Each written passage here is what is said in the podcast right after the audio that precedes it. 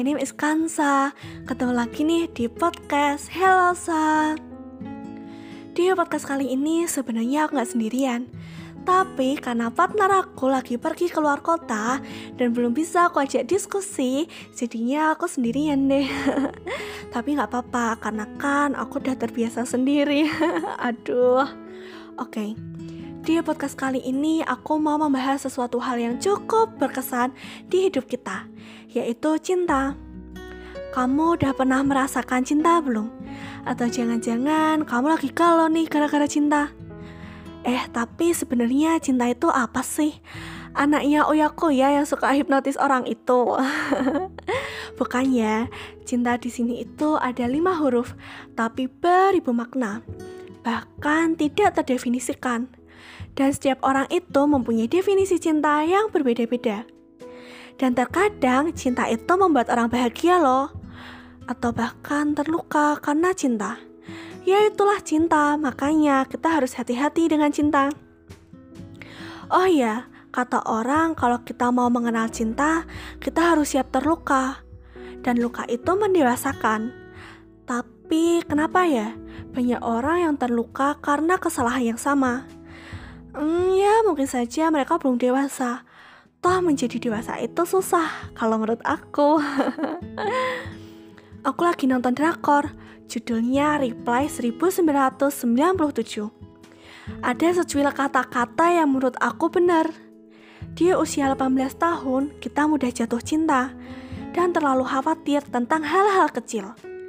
Di usia 18 tahun, orang dewasa mengatakan di usia itu kita tertawa karena hal-hal yang sangat sederhana. Tapi pada saat itu, kami sungguh lebih kuat dan lebih keras dibanding orang dewasa. Kata Panji Ramdana, cinta itu tidak semua orang harus mengerti. Karena ini tentang perasaan, bukan hanya tentang pikiran. Jadi emang susah kalau kita menyuruh lingkungan kita mengerti bahwa kita sedang jatuh cinta.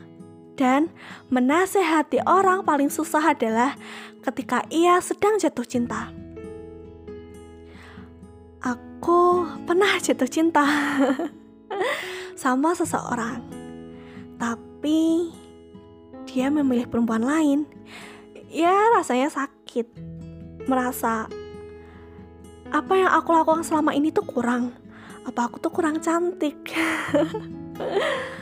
Kata temenku, aku harus ikhlas. Dan setelah aku melalui proses ikhlas itu, sekarang aku sadar puncak tertinggi mencintai itu mengikhlaskan dan kita nggak boleh egois, harus menerima jika kebahagiaan dia itu bukan kita. Aku pernah merasakan kenapa harus dia, bukan orang lain, kenapa harus dia gitu. Ya ternyata kita nggak bisa mengatur kepada siapa kita jatuh cinta.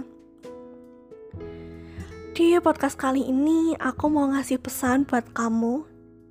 Cintai dirimu sendiri, baru cintai orang lain.